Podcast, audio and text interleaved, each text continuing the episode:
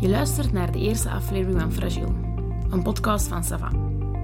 Fragile, broos, kwetsbaar. We nodigden 24 mensen uit om met elkaar in gesprek te gaan over een periode in hun leven waar het nog steeds niet vanzelfsprekend is om erover te praten. Twaalf mensen gingen in hun kracht staan en vertelden over hun eigen psychische kwetsbaarheid. Ieder van hen koos een dierbare die ook hun kant van het verhaal mocht belichten. Hoe is het om naast iemand te staan die psychisch worstelt? In deze aflevering gaat het om twee mensen die over hun eigen kwetsbare periode vertellen. Ik zie nu als gaan ik twee verschillende sokken aan heb. Die micro is wel alsmaar aan het zakken. Ik, weet niet. ik vind het wel comfortabel. Oké, en dan gaan we aan beginnen. Hè. Niet? Opgelet. In deze aflevering wordt gesproken over zelfverwonding en zelfdoding.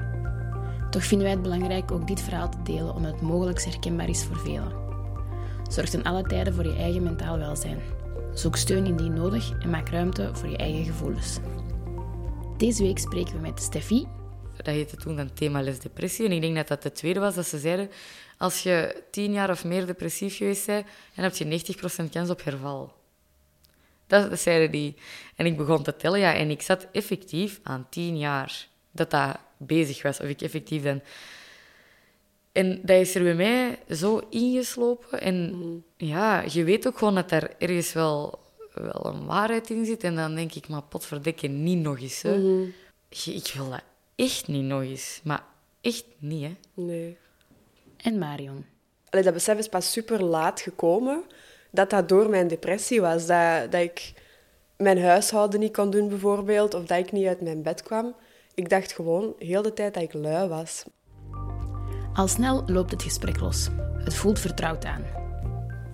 Ehm, enerzijds is dat geweest door gebeurtenissen, maar anderzijds ook wel echt door dat gegeven van gewoon denken, ik moet blijven gaan, want ik ben jong en ehm, dat hoort zo. Ik moet mijn grote meidenbroek aantrekken en gewoon gaan.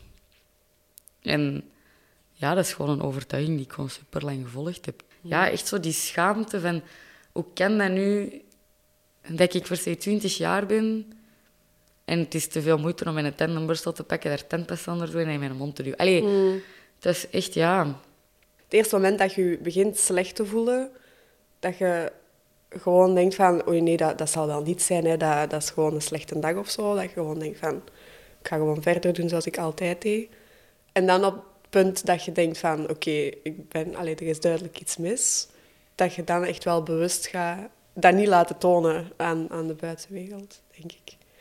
Op zich in mijn leven ging er op dat moment niks slecht. Ik was net afgestudeerd. Eh, ik dacht, eh, de wereld gaat open, ik ga nooit meer depressief zijn. En een maand later zat ik op het diepste punt dat ik ooit heb gezeten. Dus hoe moest ik dat gaan zeggen tegen mensen?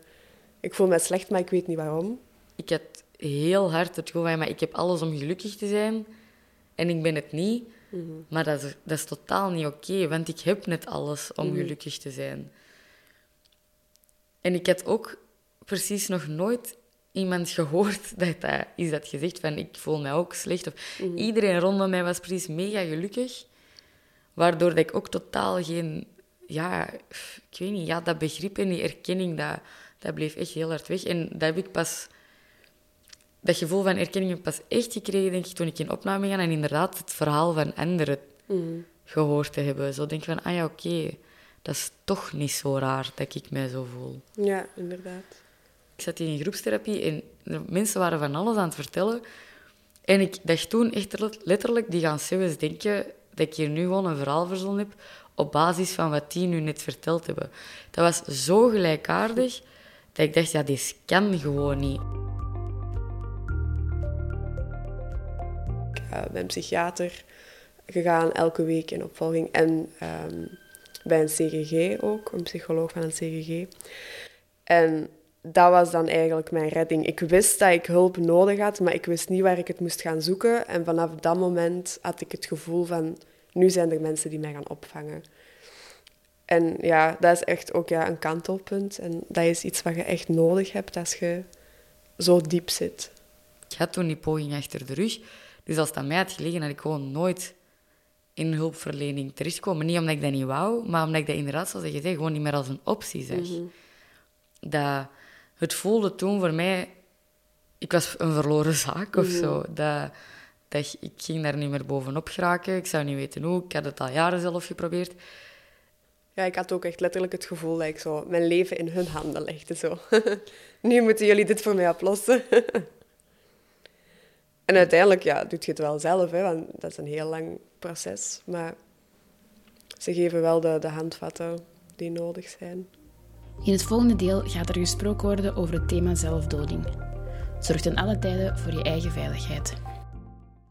Ik heb heel veel opgezocht. En dat is eigenlijk, als ik daarover nadenk, echt absurd naar wat is nu inderdaad de beste manier, wat is het snelste. Wat, allee, dat was, ik was precies een bachelorproef aan het Ja. schrijven. Allee, dat was gewoon echt absurd. En ik was daar zo hard mee bezig. Ik heb ook echt een lijst gemaakt met namen van mensen waar ik afscheidsbrieven voor moest schrijven. Ik heb die ook effectief allemaal geschreven. Dat ik nu soms denk, sorry, wie stond... Allee, dat ook gewoon. Hè? Wie stond daar nu eigenlijk allemaal op? Mensen die dat, waar ik nauwelijks contact met, maar daar zo hard in verstrikt geraakt zijn. Allee, dat was absurd. En toch niet nadenken van, deze is eigenlijk echt niet, allee, niet oké. Ja, die poging dan ondernemen. En ook zelfs daarna, zo niet denken van, oké, ja, het is nu niet gelukt. Nu ga ik zorgen dat deze betert. Nee, het enige waar ik aan kon denken was, als ik dat nu nog eens ga proberen, dan moet ik wel zien dat wel. Allee, dat was zo het enigste. Ik zag echt, ik, het- ik kon niet meer helder nadenken. Ja, dat is ook een soort gedachte dat je controle geeft of zo. Hè. Er is altijd die uitweg. Ik kan het altijd laten stoppen op die manier. Ja, ik merk dat nu ook zo. Allee, als ik dit aan het vertellen ben, dat klinkt zo precies heel rationeel wat ik allemaal aan het zeggen ben. Van, ah ja, eh, als ik het niet meer zie zitten, dan eh, ga ik gewoon dood. Maar dat klonk wel echt zo logisch voor mij. En ja, ik, kan me inderdaad voorstellen dat dat super raar moet zijn om te horen. Of om, om, om te proberen uitleggen. Ja, ik denk niet dat er veel mensen zijn die dat helemaal kunnen snappen. Maar voor mij klinkt dat nog altijd zo, ja. Dat was gewoon zo, dat was de logische uitweg. Ik vind dat heel bizar dat je je zo slecht kunt voelen dat je overlevingsinstinct volledig verdwijnt. Want dat was het uiteindelijk. Ik was totaal niet meer aan het zoeken naar manieren om mezelf in veiligheid te brengen en ehm, te kunnen blijven functioneren. En, nee, ik was juist het omgekeerde aan het opzoeken. Alles wat mij in gevaar bracht, was op dat moment goed. Ik wou niet de rol innemen van zorg voor mij, maar ik wou wel gerust gewoon ja, sterven en gewoon geen grote zus meer zijn. Ja. En dat idee is eigenlijk ook heel absurd. hè, Dat je dat niet kunt inzien, dat dat niet logisch is.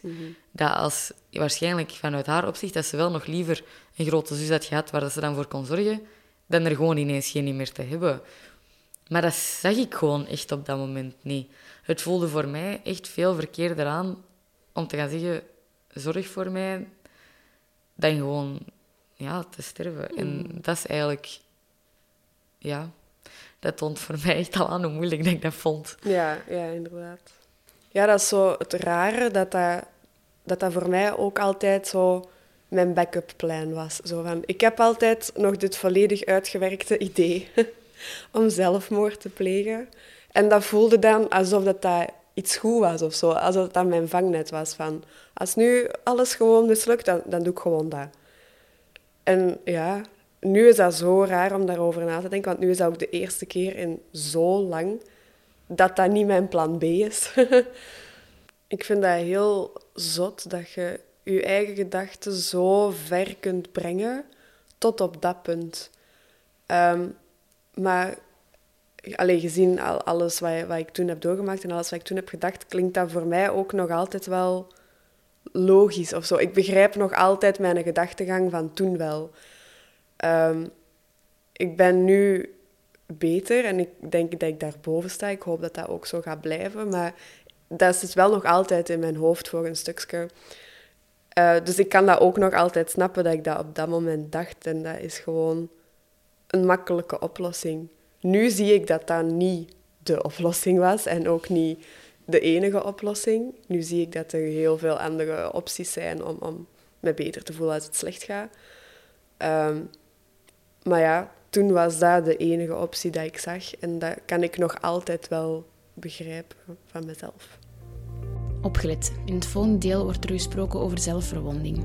Hierbij praten Marion en Steffi over wat hun achterliggende gedachten waren. Enerzijds was het dat, die controle hebben, iets anders voelen, maar anderzijds was dat ook gewoon echt iets wat ik nodig had. En daarbij kwam dan ook dat ik niet per se schrik had om dood te gaan, wat, dat mij, wat dat er daarvoor ook voor zorgde dat ik daar ook geen schrik van had om dat te doen. Ondanks dat ik tijdens die momenten van het automutileren was het niet mijn intentie om dood te gaan. Ik heb heel veel bezig geweest met het idee van te sterven, maar op die momenten was dat niet de intentie. Op dat moment dat ik gewoon iets voelde of iets anders voelde dan je paniek aan wel. En die momenten dat ik echt specifiek bezig was met sterven, dat, was, daar, dat stond daar wel los van. Ja. Maar ik denk wel dat ik zoiets had van, ja, mocht het gebeuren, ja, dan gebeurt het ook wel. Het was niet een idee dat mij beangstigde of zo. Nee. Ja, voor mij was dat echt iets dat hielp om, om mij af te leiden van mijn psychische pijn. En ik vond dat ook oprecht een goed idee om dat te doen, eh, omdat ik daar kalm van werd. En nu vind ik dat heel erg, hè, als ik terugkijk op, op wat ik toen allemaal gedaan heb, hoe dat ik mijzelf zoveel pijn heb kunnen doen. Eh, het feit dat daar nog altijd littekens van zijn, dus vind ik nog altijd heel, heel erg van mezelf. Ja, het ding is dat bij mij sommige mensen dat gezien hebben op mijn polsen. Ehm, maar ik was daar toen zo zelf van overtuigd dat die re- reacties me echt niks deden op dat moment. Als mensen dat zagen, dan waren die zo enorm in shock. En dan probeerden ze echt van alles om, om mij daarmee te doen stoppen. Ehm, van ja, maar dat is toch niet mooi en je gaat het de rest van je leven zien. En wat als je nu eh, ooit in de zomer in je t-shirt buiten loopt en iedereen ziet hele tekens, dan dacht ik gewoon ja, en?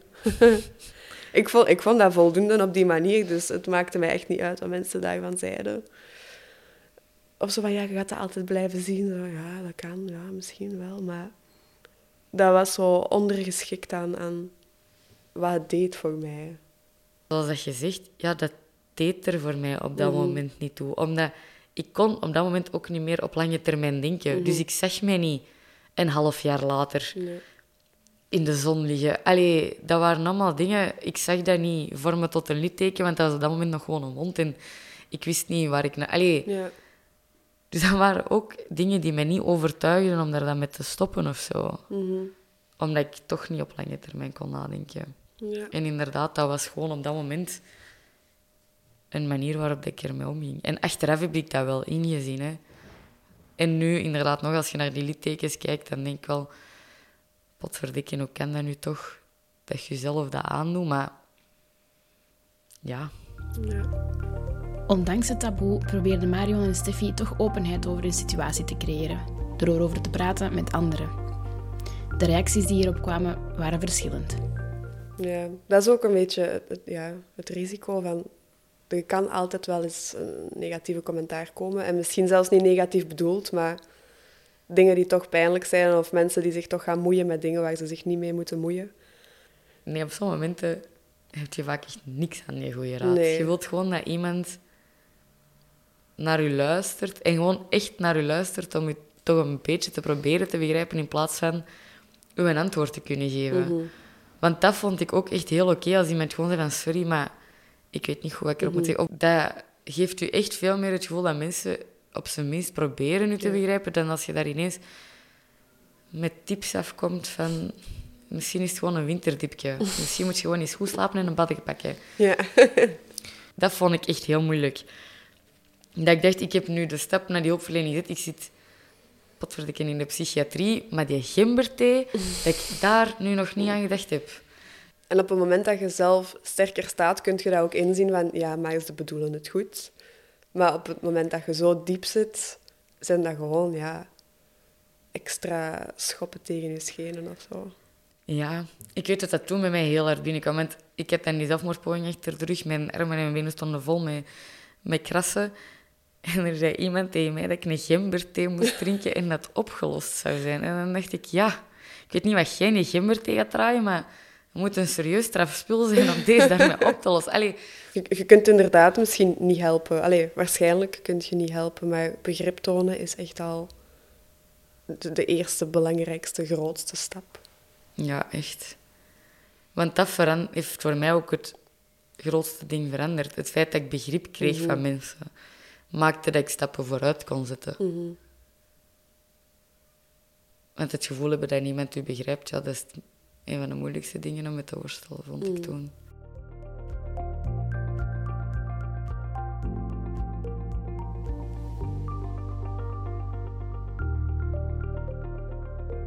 Ja, je hebt ergens wel heel de tijd je focus op... Ga ik terug zo, zo diep zakken? Ga ik terug hervallen? Waardoor dat je daar ook gewoon heel de tijd mee bezig... Allee, ik vind dat een hele moeilijke... Want ik wil daar niet heel de tijd aan denken. Mm, nee. Allee, ik vergelijk dat een beetje. Als je de hele tijd denkt, ik mag geen stuk chocolade eten, dan, ja, dan krijg je daar ook zin in en ga dat uiteindelijk wel doen. En dat vind ik heel moeilijk aan hoe kun je op een goede manier alert zijn zonder daar ja, weer dat, dat extreme of zo in te Ja. hebben. Ja. ja, want ik ben, op dit moment ben ik ook al een hele tijd niet meer in therapie, omdat ik dacht van, eh, ik heb eigenlijk alles verteld wat ik wou vertellen. Ik ben uitgepraat. Maar nu op momenten als deze begin ik dan te denken van, moet ik niet toch terug ehm, als backup een gesprek inplannen? Ook al gaat het eigenlijk helemaal niet slecht op dit moment.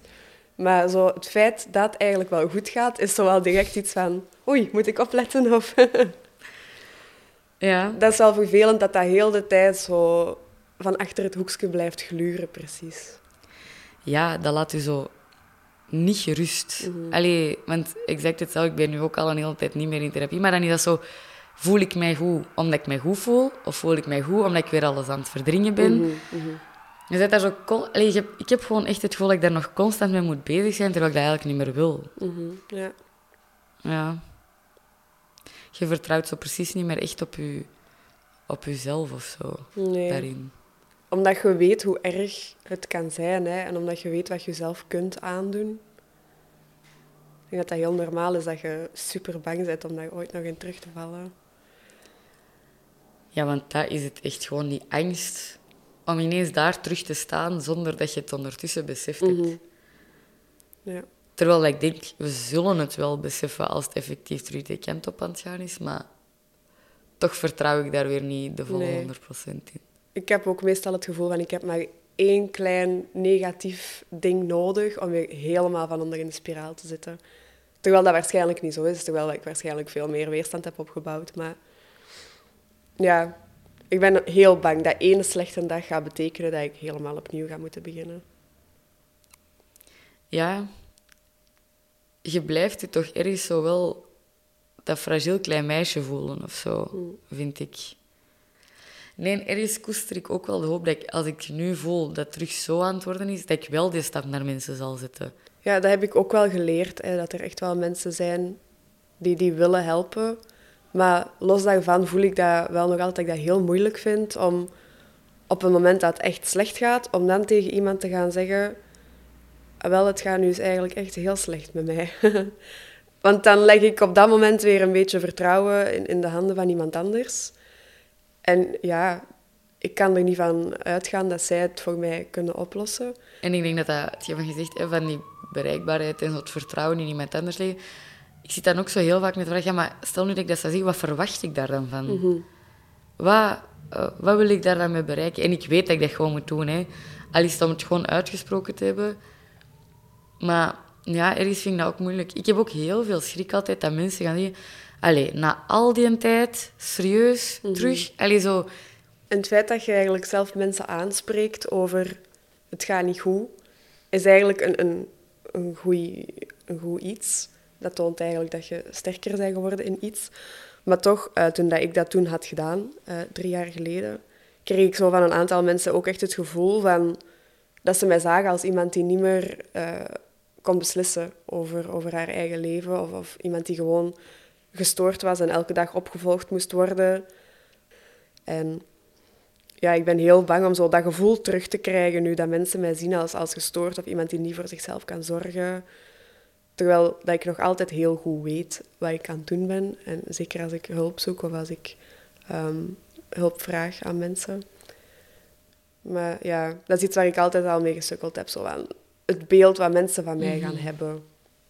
Ik ben daar nog heel gevoelig voor. De aflevering loopt stilaan op zijn einde. Marion en Steffi hebben zich van hun meest fragiele kant laten zien. En toch is nog niet alles gezegd. Ik weet niet wie dat mij dat heeft verteld. Van, er is uiteindelijk maar één persoon waar dat je voor moet leven en waar dat je de rest van je leven mee moet samenleven. En dat is jij jezelf. ja. En wat dat dan al die anderen die in je leven passeren daarover denken, ja, dat, dat is uiteindelijk bijzaak. En dat is iets wat ik gewoon heel vaak... Voor mijn depressie en tijdens mijn depressie zei ik dat niet. En nu durf ik dat wel al eens Ja. ehm, ja, inzien en daar wel wat... Dat leven zo inderdaad zo dat af en toe eens egoïstisch durven zijn. Ja. Dat durf ik al meer, maar dat gaat in leerschool blijven. Nee, maar zodat je daar bewust van bent, dat is gewoon al superveel. Ja. En ik denk dat ik dat ook wel zo het belangrijkste motto vind. Zo van, allee, jij bent de belangrijkste persoon in je leven. Dat is iets wat ik drie jaar geleden totaal niet zag. Iedereen was belangrijker dan ik in mijn leven. Eh, dus ja, ik probeer dat nu wel, wel zo aan te pakken. Soms met de schrik om te egoïstisch te zijn, maar soms kan ik het mezelf ook gewoon gunnen van... Ik ben de belangrijkste persoon in mijn leven. Heb je na het horen van deze podcast nood aan een gesprek? Dan kan je steeds terecht op het gratis nummer 106 van Teleonthaal. De zelfmoordlijn op het nummer 1813. En weet dat je ook bij je huisarts of in crisissituaties bij de spoeddienst terecht kan. Zorg voor jezelf, blijf erover praten. Deze podcast van Sava werd mede mogelijk gemaakt door de financiële ondersteuning van Young Lions Lier.